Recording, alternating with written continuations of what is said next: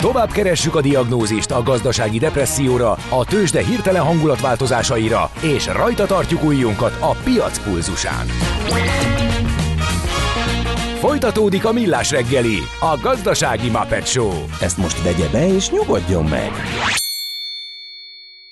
A Millás reggeli főtámogatója a Schiller Flotta Kft. Schiller Flotta is rendtakár. A mobilitási megoldások szakértője a Schiller Autó tagja. Autók szeretettel. A Millás reggeli főtámogatója az üzleti kihívásokra választadó, rugalmas IT és telekommunikációs szolgáltatásokat nyújtó Magyar Telekom. Szép jó reggelt, szép jó napot mindenkinek, vegy tovább a millás reggeli. Egy szűk egy órácskánk van még, így október 31-én kedden reggel a Rádió Café 98.0-án Kántor Endrével. És Gede Balázsral. És a hallgatók is írnak nekünk a 0636 980 980 SMS, WhatsApp és Viber számra. Hát itt az előbbi fuvaros interjúra jött Gábor észrevétele, hogy üdv a kommunizmusban, imádom ezeket a picsogó kamarai embereket, ha nyugatról jött valami fejlesztés, például az Uber, és az a taxisoknak nem tetszett, ha keletről jönnek a fuvarosok, akkor az meg. Ezeknek nem, bárhogy is csökkenhetne az ár minőségi vagy mennyiségi alapon, csak a rimánkozás megy nehogy a megrendelőknek a végén jó legyen. Én értem, hogy mit triggerelte ezt a hozzászólást, de azért gondoljunk bele, ez olyasmiért lehetne, mint hogyha lenne egy olyan repülőtér, ahol szabad rablás lenne, amikor megérkeznek a csomagok, és ott megrohanhatná bárki a csomagokat, és elhordhatná a megfelelő helyre. Na most, hogyha ott egy olyan lenne, hogy nem megfelelően szabályozott körülmények között bejönne egy rakat munkás, és akkor össze-vissza ők, ők, ők elviszik, tudom én, sok, sokkal olcsóbban. Tehát ez nem Igen, így működik. Tehát, valamire, tehát, valamely lejt a pálya, akkor ugye nem egyenlőek a feltételek, nem érvényesül a, a vállalkozói verseny, és a ebből ilyen dolgok erednek. Persze, hogy jó a kevés árat vagy kis árat kifizetni, de a szolgáltatók azon meg méretesen nem, buknak. Nem, így van. E, igen, másrészt pedig itt van egy olyan terület, ami a magyar cégeknek a helyzetét um, erősítené meg Magyarországon. Tehát van egy, ha szabályozott a rendszer, akkor az teljesen működhet. Értem én, hogy közös piac, Európai Uniós piac, és bárki bejöhet, de akkor a szabályozott rendszerbe lépjen bele bárki, és a normális versenykörülmények között egy jó ajánlattal vegyen részt ebben. Ha ez nincs szabályozva, akkor viszont olyan módon tud um, labdába rugni, hogy ő nem fizeti ki az áfát, bedönti a cégét, ezer olyan dolgot csinál, ami neki nem költség a végén, és így aztán könnyen így aztán úgy jön ki belőle, hogy, hogy jól, a fogyasztó pedig elvileg jól jön ki, de gyakorlatilag, ha bármilyen probléma történik, ott kezdődnek a fogyasztói gondok. Mi van, hogyha a csomag megsérül? Emlékezzünk Ó, vissza, nagyon olcsó Nincs, nem is létezik az a cég. biztosító nyújtott a uh-huh. kötelezőkre, ugye, hogy micsoda problémák voltak, amikor nem tudott például helytállni egy-egy baleset során. Na, de viszont menjünk tovább. A történelem ismétli önmagát, mi pedig a történelmet. Érdekességek, évfordulók, események. Azt hiszed, külön vagy, mint dédapáid? Majd kiderül. Mesél a múlt. A Millás reggeli történelmi rovata. Még egyszer elmondjuk ezt a bevezetőt, mert ebben az egy mondatban annyira ejtély van, és megfejteni való, hogy az csuda. Ezen a napon 1599-ben Bátori András erdélyi fejedelmet Csíkszendomonkos határában egy székely lófő Balázs Ördög Mihály kegyetlen módon meggyilkolja. Hát ezt a rejtélyt ki más tárhatná fel, mint Katona Csaba történész, aki itt van velünk. Szia, jó reggelt! Szervusztok, jó reggelt kívánok, és ez tényleg nagyon szép összetett mondat volt, ami ráadásul még árnyalásra is szorul. Igen mert összetettebb ennél a probléma. Hát kezdjük mindjárt ott, ugye, hogy a évforduló miatt emlékezünk meg Vátori András erdélyi fejedelemről, aki áldozatul esett ennek a gyilkosságnak, amit az előbb említettél. Egyébként nem csak erdélyi fejedelem volt idézőjelbe téve a csokot, hanem bíboros is, tehát egy egyházi mm. szeméről beszélünk. És hát hogyan érte őt utol a végzet, és milyennek a következménye, ezt megpróbálom röviden összefoglalni. Ugye a 16. század végén vagyunk, 1500-as évek, ez Erdélynek egy rendkívül zűzavaros, veszedelmes időszaka. Csak utalnék arra, hogy Bátori András unokatestvére, Bátori Zsigmond konkrétan legkevesebb háromszor mond le az erdélyi fejedelmi trónról, aztán visszaül beül, meg visszamond. Tehát ez mindent elmond arról, hogy Erdély micsoda iszonyatos szorításban van. De érdemes azt tisztázni, hogy az erdélyi fejedelemség az egy oszmán vazallós állam. Tehát ezt hajlamosak vagyunk elfelejteni, amikor a magyar szabadság bástyájaként emlegetjük Erdélyt a 19. századi romantikus hevületnek a hatására. De azért ez a Szent Istváni Magyar Királysággal, ahol tény, ami tény, a Habsburg család uralkodik, de ettől az még a Szent Istváni Magyar Királyság, de az Erdély alapvetően szemben áll. Uh-huh. Tehát ezt egy nagyon, ez egy külön műsor témája lehetne, hogy ez a szabadság értelmezés, ez hogyan és miként jelenik meg ebben az időszakban, és aztán később. Viszont hát ez, el, ez, a történelem homája ezt már elfedi, és amikor manapság Erdélyre gondolunk, akkor teljesen máshogy gondolunk. Igen. Abszolút mértékig is. Ugye az zászlóról azt a, az egyik kis szimbólumot, hogy le is lehetne úgy. ja, nem véletlenül került az oda, ugyebár, és hát arról, arról nem beszélve, hogy nagyon érdekes dolog, ez mindig elmondjuk, hogy mi voltunk Európa védőbástyája. Aztán a két Zrínyi Miklós, meg Dobó István, meg Szondi György kivételével elkezdjük felsorolni az erdélyi fejedelmeket, akik viszont Oszmán alavazallus államnak voltak a vezetői. Tehát konkrétan ez egy nagyon érdekes kettőség, de ahogy mondtam, ez egy külön műsor okay, témája Oké, okay, értettük a célzást. Viszont igen, meg megpróbáltam egész határozottan utalni rá.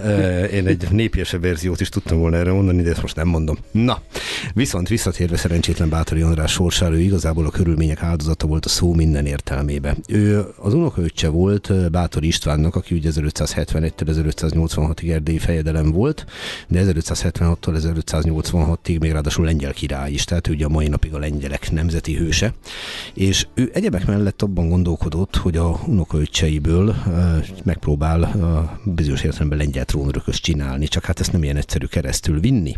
Ugye volt egy Bátori Boldizsár nevű unokaöccse, és volt Bátori András, édesapjuk az idősebb Bátori András volt, most róla ne beszéljünk, mert azt nem engedi meg az idő. És mind a ketten hogy olyan neveltetést kaptak, hogy alkalmasak legyenek egy uralkodói cím viselésére, az ezzel járó felelősséggel. Bátori Boldizsár egyébként Erdélyben próbálkozott meg hatalmi ambíciókkal, 1594-ben az lett a végzete, hogy Bátori Zsigmond elfogadta, börtönbe zárotta, megölette. Tehát Bátori is, Boldizsár ezzel gyakorlatilag lement a térképről, nem saját akaratából. Bátori András viszont egyházi pályán indult el, és nagyon-nagyon fiatalon püspök lett, majd bíboros lett. Voltak benne ambíciók arra nézvést, hogy esetleg lengyel király legyen, de hát a svéd váza Zsigmondot választották a lengyel rendek királyá, következésképpen az ő fegyelme is egy picit jobban Erdély felé fordult. Azonban nagy valószínűséggel nem ambicionálta ő annyira ezt az erdély fejedelmi trónt, mert hát nem ismerte ő annyira Erdélyt, ő igazából Lengyelországban nevelkedett, ezt azért ne felejtsük el dacára Erdély születésének. Viszont 1599-ben, amikor Bátori Zsigmond ismételten lemondott trónról, akkor őt választják fejedelemnek. És gyakorlatilag innentől kezdve ő körülmények fogja lesz, elmegy egy olyan rettenetes nemzetközi helyzetben Erdély trónjára, ahol, ahol igazából nagyon-nagyon nehéz még ma is felmérni, pontosan micsoda nemzetközi erőknek az összjátéka alakította az eseményeket. Gondoljunk abba bele, hogy ott van az erdélyi fejedelem, akire nyomást helyez egyfelől az oszmán birodalom, nyomást helyez a magyar királyság, ugye Rudolf császárról az élen, aztán ott vannak a szomszéd román fejedelemségek, Moldva és Havasalföld, ott van még a lengyel politika is, tehát egy rettenetes szorításban, egy rettenetes présben kellene valahogy megfelelni. És mindenek tetejében van még egy spéci probléma, nevezetesen az, hogy a, az a bátori család, amik az erdélyi katolicizmus bástyája, mindig is az volt.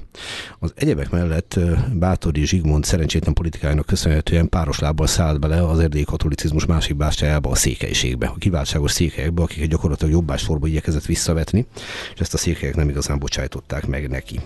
Na most mindenek tetejébe Mihály Havasalföldi Vajda, a románok nemzeti hőse, ugyan hűségesköd tesz Bátori Andrásnak, de azért Rudolf császár erőteljes ösztönzésére mégiscsak fegyverrel lép fel ellene, és itt jön a csavar a történetbe. Gyönyörű dolog lenne ez, hogy csak azt mondanánk, hogy itt van a derék magyar második András erdély fejedelem, vele szemben Mihály, román, havasalföldi fejedelem, hát mégiscsak kinek szurkolunk. Egyértelmű. Hát nyilván a magyarnak. Igen, a, szék, a székelyek azok viszont történetesen nem máshol harcolnak, mint Mihály mellett. Mert hogy jájba íri neki, hogy majd szépen helyreüti az ő csorbított jogaikat. Szegény Bátori András az ég egy a világon semmit nem tett azért, hogy a székelyek jogai csorbítsa, de ugyanannak a Bátori családnak a tagja, akik iránt a gyűlöletet sikerül sikeresen kivívni a idézőjelbetéve a sikeresen Bátori Zsigmondnak. És aztán október nagyon rövid uralkodás után körülbelül pár hónapról Bátori, bátori egy kutya. Igen, pontosan. Tehát ugye ne felejtsük el, hogy mennyire egyszerű úgy gyűlöletet kelteni, hogy általánosítunk és arctalanul nevezzük meg az ellenséget. Abszolút. Erre a 20. századi történelem számos példát tud hozni.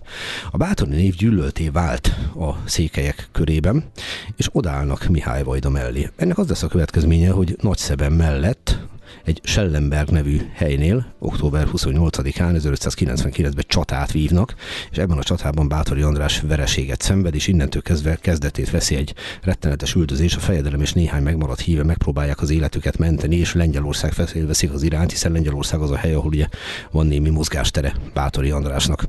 Azonban a székelyek elképesztő módon dühösek rá, és igyekeznek minden létező eszközzel levadászni a fejedelmet, és egyenlőtlenek az erőviszonyok. Csíkszentdomokosban történik meg a leszámolás, pontosabban Csíkszentdomokos mellett. Ugye Csíkszentdomokos felcsíknak az ma talán a legnépesebb falva, egyébként egy kiváló hely, volt szerencsém ott járni, nagyon-nagyon szeretem. Két dolgot említenék meg vele kapcsolatban, hogy kinek volt a szülőhelye. 1896-ban itt látta meg a napvilágot Márton Áron püspök, ugye a Erdély, a magyar és egyetemes katolicizmus egy kiemelkedő figurája, ha lehet szilárd morális bázisról beszélni valakinek az életében, hát Márton Áronnál az van. Illetve itt láttam meg a napvilágot az a ember, aki nagyon más utat képvisel, de Márton Áronnal együtt ítélték el koncepciós verbe Kurkó Gyárfás író és politikus. Na most ő 1909-ben született, Márton Áron 1896-ban. Itt viszont az történik, hogy Csíkszentdomokos határában máig nem lehet tudni pontosan milyen körülmények között, de a fejedelmet, aki valószínűleg éppen aludni próbált, és néhány emberét utolérték a feldühödött székelyek. Hogy kiölte meg személyesen, itt több dolog hangzott el. Az egyik az ördögnek nevezett Balázs Mihály, aki ilyen elég legendás figurának számít, a másik pedig az Nagy Kristály András, akinek a nevét emlegetni szokták. Itt valószínűleg azért Balázs Ördög Mihály a idézőjelben nyerő, aki, aki a halálos ütés mérte a fejedelemre. Azt lehet pontosan tudni, hogy szerencsétlen embernek bezúzták a fejét, úgy vágták le az ujjáról a gyűrűjét, hogy még élt, aztán lefejezték, és ezt a fejet elvitték Mihály Vajdának. Hát a... figyelj, ez akkoriban máshogy nem is mehetett volna, mert nem hitték el. Ez pontosan így történt, annak köszönhetően maradt ránk a levágott főnek az ábrázolása a homlokon levő sebb helyen, a balszem fölött levő sebb helyen, hogy Mihály Vajda erről rögtön készített is egy ábrázolást. Most itt hosszan belemehetnénk még a történelem további taglalásába, hogy végül is milyen sorsra jutott Mihály Ez, Vajda. Bocsánat, hogy beletrolkodok, de pont tegnap mutogatta Mihálovics azt a, a mémet, ami terjed a, megint a Facebookon, hogy mi lett volna, hogyha a, lett volna a mobiltelefonja a vikingeknek, és akkor mutatja, hogy mindenhol szelfiznek az ilyen felgyújtott házaknál, de hát kb. erről van szó. Tehát Persze. amikor megérkezett a fej, akkor rögtön egy ábrázolás készített róla, a korabeli meg volt a korabeli szelfizés lényegében. A, a funkció tökéletesen ugyanez, és hogy mondjak egy távoli példát, amikor kivégezték Miksa mexikói császárt, a Habsburg ház egyik legkulturáltabb, legszimpatikusabb tagját, aki szintén olyan erők játékszerébe vett Mexikóba, amit nem mért föl, és aki gyerekként mindannyian utáltunk, mert a Vinettúban ő egy negatív figuraként. Hát bu- persze, meg föl. az amerikaiak is, vagy jó öreg Davy Crockett Alamónál é, pusztult el. Úgy, pontosan. Hogy... Na és akkor őt, őt vele konkrétan az történt a holttestével, hogy körbehurcolták Mexikóban, hogy mindenki lássa, hogy, ah. hogy ülő császárt megölték. Ugye ma már ez, bocsánat, de tényleg egy Mélel, vagy gondoljunk, másik példa, a Lehigérában készült fotóra, ahol ugye Csegevára holtestéről rögtön elkészítették igen, a fotót, tehát pontosan ilyen erről a funkcióról van szó, hogy a győztes bebizonyítja, hogy a dominanciája érvényesült. Mihály Vajda egyébként az életével fizetett nem azért a tetteiért, hanem nem azért a konkrét tettéért, hanem hát egyáltalán azért, mert ő is belekeveredett a politikába, ugye annyiszor emlegette Giorgio Basta, akit magyarul inkább Básta Györgyként emlegetünk. Egyébként kiváló hadvezér, aki arról írt a 16. században, 17. század elején, hogy önálló magyar hadseregre volna szükség. Ezt nem szokták vele kapcsolatban emlegetni. Nos, ő egy mellett megölette, és ne, őt is lefejezték, és még meg is nyúzták a holtestét. Nem akarok belemenni a részletekbe. Sokkal érdekesebb azonban ennél, hogy uh, mi volt a folytatása a Bátori Jó, egy, egy, egy, megállhatunk egy pillanatra, mert igen? én lemaradtam ott, hogy ez a székely lófő, ez mi? A lófő, igen, én is azt a lófő várom, az egy, tisztázzuk. Az egy spéci székely rang, ugye a székelyek az egy kiváltságos terület, mint az közismertő például egészen 1876-os megyerendezésig nem vármegyékbe vagy megyékbe élték az életük, hanem székekbe ugyanolyan kiváltságolt terület volt, mint amilyen például a Hajdúság, vagy a Jászkon 3-as kerület lakói, vagy a Bárótság, vagy a Barcaság, tehát hosszan lehetne sorolni, hogy hány ilyen középkori korójukori eredetű kiváltság volt, és voltak úgynevezett kollektív nemesi rangok, amikor nem a személyre szólt a nemesítés, ilyen volt például a Jászok, vagy a Kunok, vagy a Hajdúk rang, és uh-huh. ilyesmi volt a székely lófű. De jó. Tehát uh, honnan ered a neve, arról máig megy a vita, de, de ettől még ez egy ilyen rang. Tehát uh-huh. a bizonyos kiváltságokkal járó rang. Na, sokkal inkább, ahogy említettem, a népi hagyomány kristályt tartja gyilkosának, de itt említettem, maradjunk a kristály meg az ördög elnevezéseknél, tehát Balázs ördög Mihály volt az, aki valószínűleg megölte a fejedelmet. Viszont annak az lett a következménye, hogy őt ott megölték, hogy a római katolikus egyház száz éves átokkal sújtotta Csíkszentdomokost, és péntek és szombati bőjtre kötelezte a lakosokat. Tehát még 150-200 évvel később is tartották ezt a bőjtöt, jól lehet, már nem feltétlenül tudták miért. Továbbá ne felejtsük el, hogy a székesség az tényleg nagyon erősen katolikus, és emiatt aztán gyakorlatilag ilyen majdnem, hogy szenté vált az alakja a Bátori Andrásnak a későbbi néphagyományban, meg az emlékezetben, egyfajta mártírrá. Ugyanakkor a mai napig vannak olyan értelmezések, hogy a székely szabadság dicső héroszai mészárolták le a gonosz székelyeket elnyomó fejedelmet, és akkor hadd idézzek most egy embert, nevezetesen Sebestyén Péter római katolikus atyát, aki egy prédikációjában a következőket találta mondani.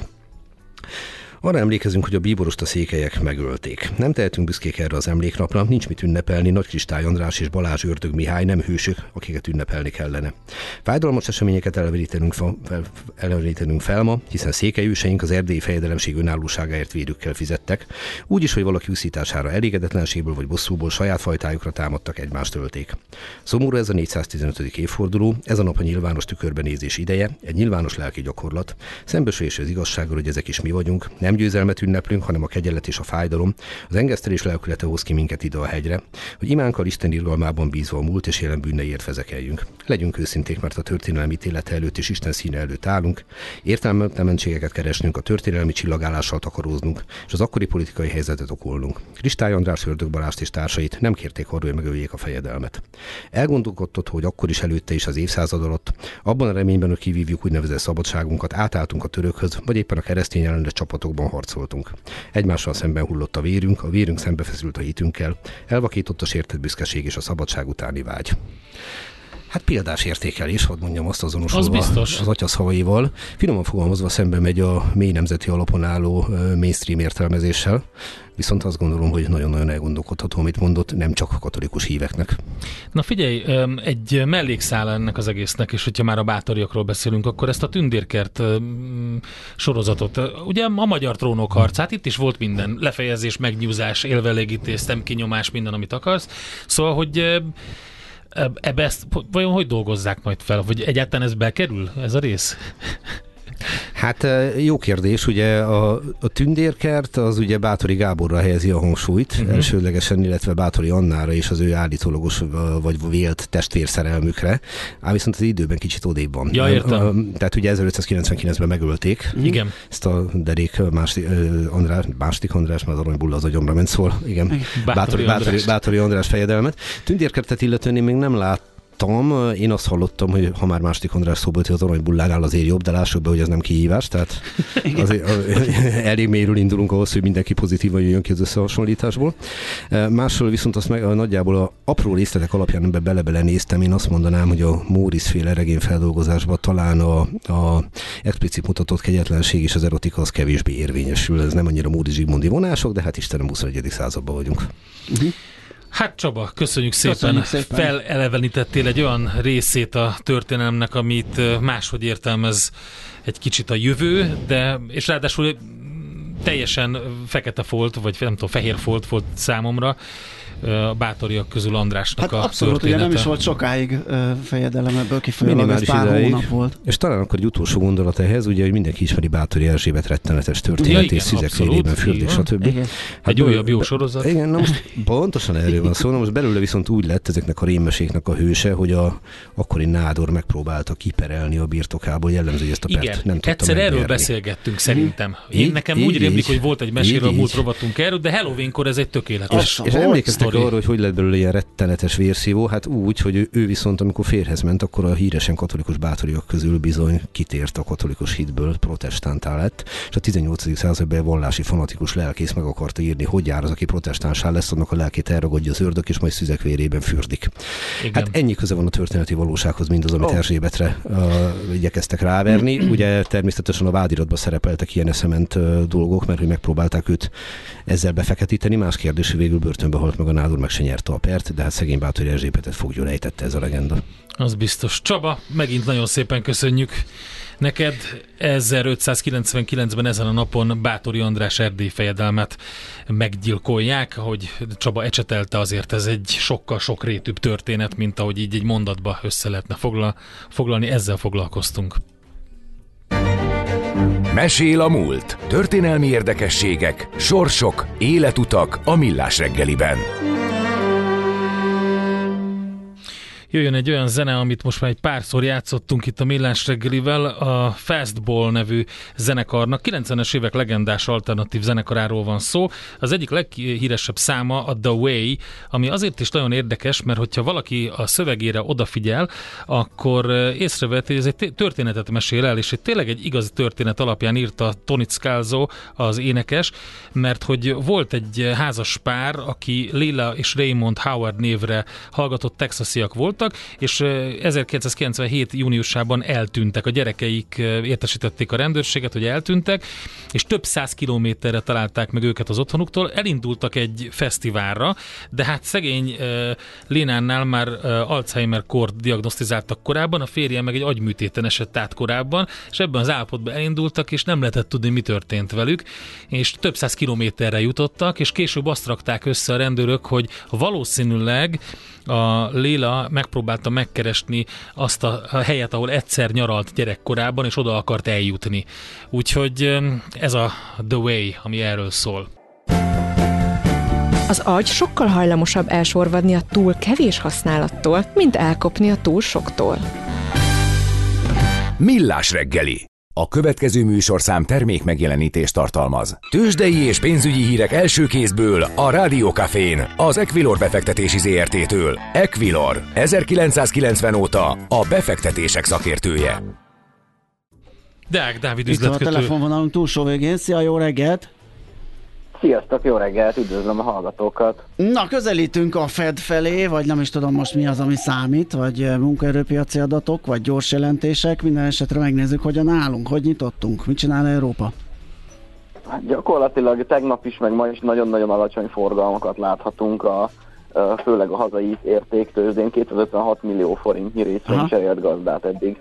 Ez nem sok. Budapesten egy, egy, egy mozgás sincs nagyon, igazából 26 pont mínuszban a Bux Index 56.408 ponton áll ebben a pillanatban, és hát ami igazából talán egy picit szokatlan, hogy hát a Richter messze a legnagyobb forgalmú részvény, Hmm. így reggel 160 millió forint forgalom volt benne, és 0,3%-os pluszban 8570 forinton áll. És hát még az OTP-ben sincs forgalom, 50 millió forint körül, most már 60 millió forint az OTP napi forgalma, 13580 forint, 5 forintos mínuszban, a MOL is 2886 forint, és a Magyar Telekom is 559, szóval nagyon árfolyamokban sem látunk mozgást. Reméljük, hogy holnap a Fed egyébként hoz némi kereskedési volument egyébként az európai meg a budapesti parketre is, mert amúgy még a devizapiac is egy kicsit csendesebb. Úgy látszik, hogy most ezt a hetet itt Európában pihenéssel töltik a kereskedők. Nem baj az. Pe- Persze. Milyen árak alakulnak ki így most, hogyan állunk? Ja, nézzük meg a vezetőket. Hát a vezetők közül igazából talán említettem mindent, és azt nézem igazából, hogy van-e mozgás a második vonalas részvények közül, de ott sincs, gyakorlatilag az Opus mínusz két forint ö, ö, mozgást mutat, 380 forint, azon kívül egyetlen egy részvényünk sem mutat mozgást. Ez mi lehet az oka ennek a, ennek a lanyhasságnak? Tehát tényleg ö, azt várjuk most, hogy hogyan dönt a Fed, vagy, ö, vagy ö, egyéb okok vannak? Tudunk-e Én bármit? azt gondolom, hogy a, ö, ö, nyilván van, biztos van egy szezonális hatása, nagyon sok kereskedő valószínűleg pihenéssel tölti ezt a hetet, azért a november 1 egy nemzetközi szünnap Európában, az angol szászokon kívül mindenhol, ez egy rövid hét, reméljük amúgy, hogy, hogy a Fed kivárás is ö, okoz némi kerülést a, a kereskedéstől, hát reméljük csörtökön azért jön már egy kis izgalom a piacra. Uh-huh. Uh, jó, forint. Forintokban sincs nagy mozgás, egy euróért jelen pillanatban 382 forint 70 fillért, a dollár izgalmasabb egy picit ott ugye 360 alatt, 359, 90 a dollár forint. A dollár egyébként a vezető devizákkal szemben egy picit gyengült, sőt inkább azt mondanám, hogy az euró tud erősödni, nagyon dinamikusan 1,0635 az euró dollár, és ami érdekes igazából, hogy hajnalban egyébként a japán jegybank kamat döntőülést tartott, nem változtatott a kamaton, és ugye a piaci szereplők várakozásán ez, ez ö, ö, alul maradt abszolút, és csak 2024-be kezdődhet el a kamatemelés. A japán yen keresztekbe látunk egy nagyobb jengyengülés, már 160 körül az euró yen, ö, úgyhogy talán ebben van most itt reggel izgalom. Jó, hát meglátjuk előbb-utóbb, csak magához tér a piac, mármint forgalom szempontjából is. Ebbe biztosak vagyunk, igen. Így van. Mindig, mindig változik. Így van, oké, hát Dávid, köszi szépen, szép napot, hozzá együtt jó Szép napot, kereskedést. sziasztok. Szia, szia. Szia, szia. Deák Dávid üzletkötő mesélte el nekünk, hogy mi újság így 40 perccel a tőzsdenyítást követően a párkettem. Tőzsdei és pénzügyi híreket hallottatok a Rádiókafén az Equilor befektetési ZRT-től. Equilor, 1990 óta a befektetések szakértője.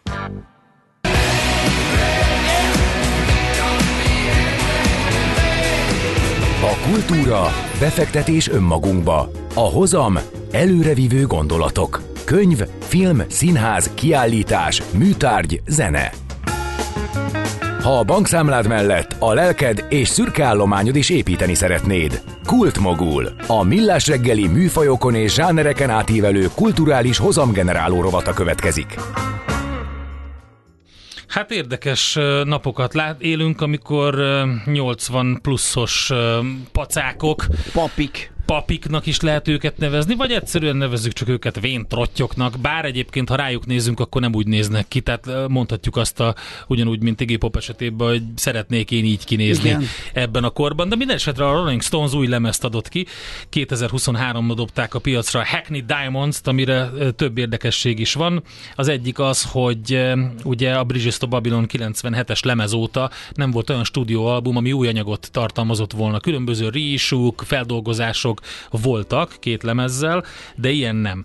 Ez az egyik. A másik ö, például az, hogy mit jelent a címe a lemeznek, a Hackney Diamonds, az a, ugye a London egyik kerületének a nevéből, vagy részének a nevéből a- jön, és a, az ilyen autófeltörések után az úttesten maradt ilyen üvegdarabkákat hívták Hackney Diamondsoknak, de hogy hogy lesz a, az ilyen szegény legényekből gyémánt, talán ezt is jelenti a lemez. Minden esetre itt van velünk a HVG újságírója, a német Robert a vonalban, hogy egy kicsit ezt a lemezt elemezzük. Szevasz, jó reggelt! Hello. Szia, jó reggelt. is.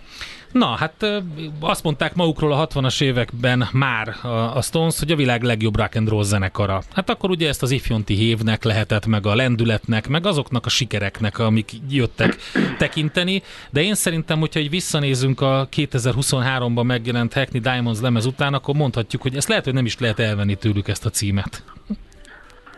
Hát először is javítanék, nem a Bridges to Babylon volt az utolsó új dalokat tartalmazó sorlemez, hanem a Bigger Bang. Ja, bocs, igazad van, a Bigger Bang 18 volt ki. Igen, ezelőtt. igen, igen, 2005-ben. Azóta volt egy, azóta volt egy feldolgozásokat tartalmazó lemez, a Blue and Lonesome, eh, de valóban eh, akik akkor születtek, amikor a Bigger Bang megjelent, azok ma már nagykorúak. Csak hogy érzéke, érzékeltessük a különbséget. Nekem azért maradt meg a Bridges to eltelt időt. Babylon, mert talán az az utolsó lemez, amiről lehet, hogy még egyet tudok mondani, egy számot, de többet már nem nagyon. Aha. Hát nekem egyébként, egyébként szerintem ez azért érdekes ez a lemez, mert ugye uh, fölmerül az új Stones lemez kapcsán, hogy hogy szól, meg hogy mennyire vették modernre a hangzást, ugye itt zajlik-e körül nagyon sok cikk jelent meg nyilván a lemez megjelenése után, és ez is téma volt, és a Bridges to Babylon például egy olyan lemez volt, ahova az akkori ilyen elektronikus zenei producereket hívtak, Igen. a Jaggerék, ugye a Dust Brothers-t is, meg, a, meg mást is, na mindegy, szóval hogy ott is kísérlet. Szóval hogy a stones azért mindig jellemző volt, hogy az aktuális kor hangját próbálta beépíteni a, a zenébe, a, már az 1978-as Some Girls uh-huh. is reflektált az akkori, az akkori punkra és diszkóra. Tehát ha valaki a Rolling Stonesnak fölrólja, hogy a hangzását az aktuális mondjuk, hát ha nem is trendekbe, de azért így a, Irányzatokba, a igen, hangzásokba. moderniz- Mhm. Hát, vagy, vagy legalábbis próbálja úgy, próbál úgy megszólni egy adott korszakban, hogy az adott kor szól. Azt szerintem, azt szerintem azért rossz év, mert ez, ez így volt már a 70-es évek végén is. Igen, de közben va, van egy Iggy pár dolog, amit... Meg azért, Bocs, oké, ja, na javítsuk Iggy Popot is akkor, amit mondtam. Ja nem, nem, nem, Iggy Popot pont, meg pont nem javítani akarom, hanem örömömnek akartam hangot adni, hogy előkerült Iggy Pop, ugyanis ugyanaz a producer jegyzi ezt az új Stones lemezt, aki az idei új Iggy Pop lemezt is. Mhm. Ez az Andrew Watt nevű fiatal csóka, aki egyébként, aki, akinek köszönhetően, az, hát meg nyilván Iginek is persze köszönhetően, az új uh, Iggy lemez, Every Loser, ez egészen zseniális, és uh, gyakorlatilag ugyanazt meg, megcsinálta a stones is a, a Andrew Watt, mint Iggy Poppal, hogy csinált egy ilyen modernen szóló, de nagyon klasszikus uh, lemezt. Igen, és pont ezt akartam mondani, hogyha végignézzünk a diszkográfián, akkor szerintem felróni valóban nem lehet a Jaggeréknek azt, hogy, hogy ők mindig a, az aktuális hangzásokat beépítették, mert pont hát ettől... Hát, van, akinek már a Miss You-val is baja volt. Oké, okay. de hogyha megnézzük például a, a, hát a Sam Girls-t említetted, de nekem az egyik eklatáns példa erre a Tattoo You lemez 1981-ből, aminek ugye az, az első száma, a Start Me Up, az, az, egy, az egy fantasztikus stonzos hangzású valami, de mégis 1980 szól, és nem 1965. Persze, szóval ez szerintem, ez szerintem ilyen, ezen tényleg fölösleges rúgozni, hogy, hogy, hogy, hogy, hogy, hogy szól a Stones. E, szerintem, amin érdemes rúgozni az új lemez kapcsán, az az, hogy ami egyébként minden pop-rock lemeznek az egyik ökölszabálya, hogy vannak-e rajta jó dalok. Na. Ez nagyjából egy, egy, egy követhető Te mire számítottál? Kezdjük azzal. mire Én számítottál? Én nekem nem voltak, nekem nem voltak elvárásaim, ugyanis az elmúlt, mit tudom én, 30-35 évben azért alapvetően úgy nézett ki egy Ubi Stones lemez, hogy meghallgatta az ember, konstatálta, hogy jó, hát ez egy Rolling Stones volt, mm. egy, maximum két emlékezetes dal, és akkor így félretett az igen. ember, és akkor nem biztos, hogy Ez a futottak még újra. kategória, ugye? Hogy, és akkor... igen, igen, de hogy ar, igen, de arra mindig alkalmas volt a Stones, hogy azért egy, egy, egy olyan lemezt csinálni, ami nem gáz. És nem gáz, de azért tényleg egy, egy számot maximum, de most őszintén berakod a playlistedbe azokat a számokat a lemezről? Nem, nem én nem is hát tudom, mi van rajta. A, az Anybody Seen My Baby-t, meg a Love is Strong-ot, meg a, meg a, meg a, meg a Mixed Emotions-t, meg uh-huh. a mhm. nem tudom, egy-két számot az elmúlt 35 évből. Viszont ez a lemez, ez szerintem tele van jó eh, pop-rock dalokkal. Ugye az első három szám, tehát a lemez első három számának társszerzője Andrew Watt, a producer. Na mindegy, de hogy utána is van egy csomó tök jó szám. Tehát ezt a lemezt ellentétben az elmúlt 30x év lemezeivel ezt szerintem többször is meg lehet hallgatni. Hát ebben tök igazad Nyilván van, mert velem már ez elő is fordult, és én úgy raktam Velem be is. az Angrit uh, hallgatva, ugye az volt, amit ki, kiadtak singlet korábban, ilyen berangozó számot, hogy hú, hát azért ez, ebben megvannak azok a riffek, a sztonzos hangzás, van dinamikája, nem hangzik úgy, mint hogy a 80 éves trattyok énekelnék, és amikor beraktam a lemezt, akkor egyszer csak megdöbbentem, hogy, hogy egymás után jöttek ilyenek. És hogyha azt még Igen. hozzáteszem, hogy, hogy gyakorlatilag az összes a, a klasszikus tagok közül, és most a stúdiózenészeket ne is említsük, hanem a, akiket ismerünk, ugye az öt ember, hát végül is mind az ötnek valamilyen köze volt ehhez a lemezhez. Tehát még Wyman is megjelent igen. ugye a felvételeken, igen. a Watts dobol hát, is vagy, kettőn, vagy... vagy... vagy... Igen, igen. Hát Ugye az van, hogy azért dobol két dalon a Charlie Watts, mert tehát ennek a lemeznek annyi előélete van, hogy ezen már elkezdtek dolgozni évekkel ezelőtt, sőt már amikor ez a Blue and Lonesome című feldolgozás lemez megjelent, már az is úgy lett, hogy elkezdtek dolgozni új dalokon, de nem érezték igazán mhm. jónak, ezért csináltak egy feldolgozás lemez. Tehát ez már évek óta, tehát ez már egy több éves folyamat eredménye, és aztán végül tavaly valamikor adott kvázi ultimátumot maguknak, uh-huh. maguknak a Jagger, hogy ezt idén tavaszra be kell fejezni ezt a lemezt. És ugye a másik érv, ami el szokott hangozni, hogy ez egy ilyen Mick Jagger szóló lemez kvázi, mintha egyébként titok lenne az, hogy most már azért jó pár éve azért a, a Jagger a motorja a Rolling Stonesnak. Ezt a lemezt is ő verte keresztül, ebből nem is csinált titkot a zenekar, tehát ez kb. bármelyik interjúban elmondták, szóval ez nem valami ilyen letagadni való rejtély, hogy itt a Mick Jagger ütötte a vasat. Nyilván ez- hát Keith Richards jobb, jobban szeret ülni a fotelben és blúzokat Jó, de azért neki is meg, megkap, tehát ugye a, szerepel a lemezen a Keith Richards szám, amit ugye Keith Richards énekel, Igen. és azért oda hívták, és oda is jött, és, és, és részt vett benne, és talán ő volt, aki bemutatta őket a Paul McCartney a producernek, ugye, Igen, aki igen, szintén igen, igen. szerepel rajta, akkor a Lady Gaga-val is van egy fantasztikus, szerepel egy olyan blues rajta, ami tényleg olyan fotelban ülős blues a lemezen, ami visszaröpít a 60-as Amiről évekbe. Ugye, hát, hát amiről a konkrétan ugye a zenekar a nevét kapta. Há, igen, a Rolling Stones Blues. Végre. Tehát de lerakták Igen, ugye a egy ilyen 2023-ba. I- Igen, és hogyha nem lesz több Stones lemez, ami szerintem egyébként sanszos, Sanszos, igen. akkor ez, egy nagyon, akkor ez egy nagyon szép zárlat ott a végén, tehát így bezárták a kört végén. Azt mondtad, a kedvenc számod a Whole Wild World a lemezről, csak azt hát szeretném most meg... az. azért szeretném megmutatni a hallgatóknak, hogy tehát én ennél a számnál éreztem azt, hogy, hogy tehát egyszerűen, hogy lehet ennyi dinamika? Tehát nem kiüre, oké, okay, 80 évesek, de valahogy én ezt elfelejtem. És egyébként a szöveg, szövegkörnyezetben el is hangzik, nem is emlékszem melyik számban, hogy, hogy nem lehetsz túl öreg a rock and rollhoz, és igazából ez nem egy üres duma, hanem visszahozza ezt, úgyhogy csak egy picit mutatok belőle, és akkor még befejezzük a, a beszélgetést, jó?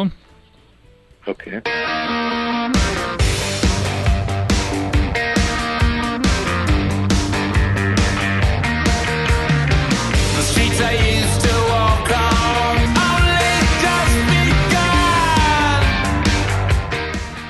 Szóval hogy meg is jött az üzenet, hogy na ez jó taták. Igen, de előtte az Engri-re az volt, hogy Unalmas. Hát az Engri azt írta valaki, hogy Igen. unalmas, de hát ezt abszolút Egyébként ez tényleg jó.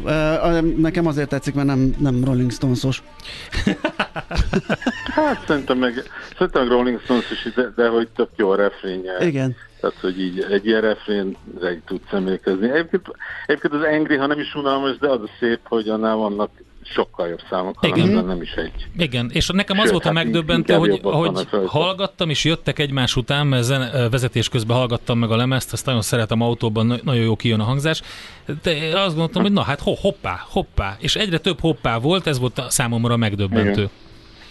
Igen, mondom, nekem nem voltak ilyen nagyon különösebb elvárásaim, hogy majd milyen lesz, hát valójában semmilyen, és ehhez képest nagyon, Lehet tényleg képest nagyon jó lett. csalódás. A HVG-n írtatok egy tök jó cikket erről, ha hattyú dal, akkor fantasztikus búcsú az új Rolling Stones album, ezt ajánlom mindenkinek, sok-sok részlet benne van, amit most nem tudtunk megbeszélni. Robi, neked nagyon szépen köszönöm, hogy beszélgettünk erről a lemezről. Oké, okay, szívesen. Szia, szép napod! Német Roberttel, a hvg.hu újságírójával beszéltük meg az új Rolling Stones lemezt.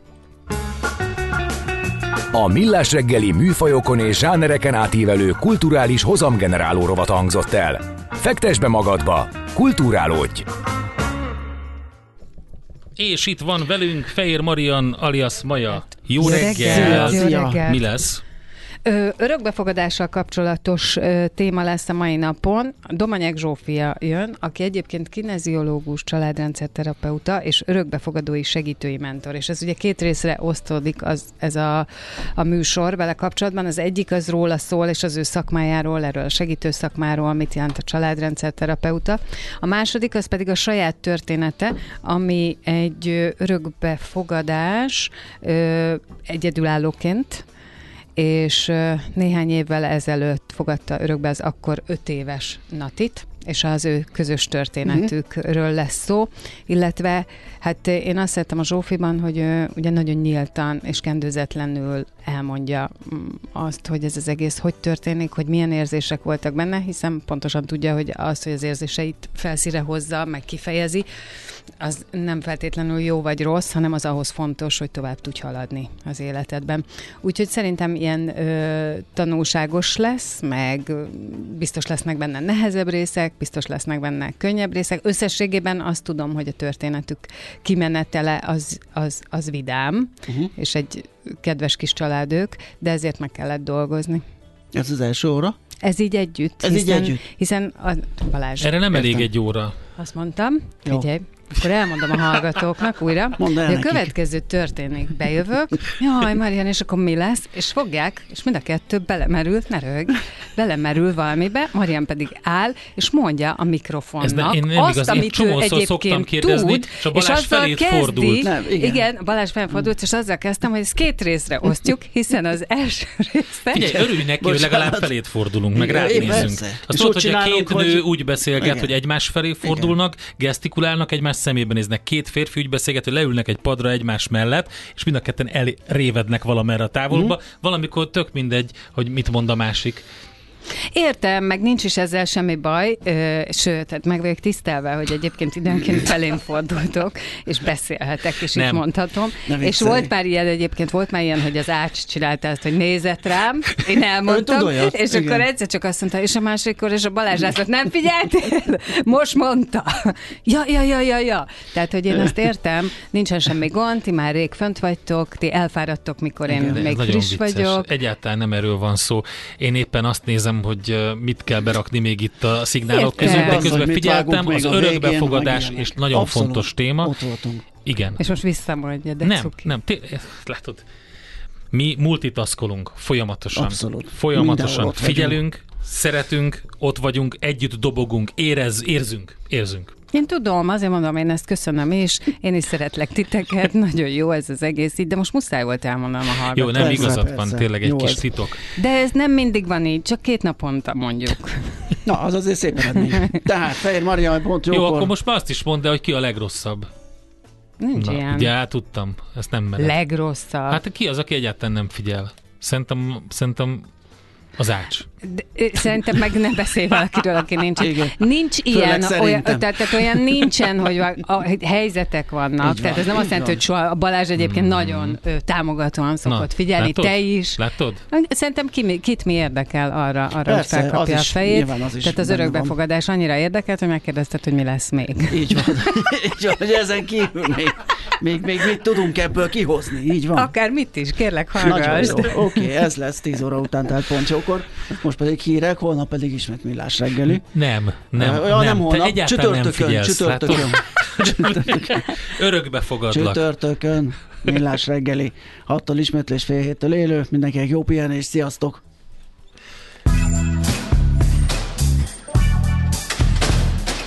Már a véget ért ugyan a műszak, az ügyelet azonban mindig tart. A sürgősségi és félig zárt osztályon holnap reggel újra megtöltjük a kávésbögréket, és felvesszük a piaci stetoszkópot. Addig is keressetek minket közösségi rendelőnkben a Facebookon, a mai adás podcastjét pedig a rádiókafé 98hu és millásreggeli.hu oldalakon, a Spotify-on és a Google Podcast-en. Millás reggeli. A Rádiókafé gazdasági Show-ja. Két dologban bízhatsz. Az egyik mi vagyunk. A Millás reggeli főtámogatója a Schiller Flotta Kft. Schiller Flotta is rendtakár. A mobilitási megoldások szakértője a Schiller Autó tagja. Autók szeretettel. A Millás reggeli főtámogatója az üzleti kihívásokra választadó, rugalmas IT és telekommunikációs szolgáltatásokat nyújtó Magyar Telekom.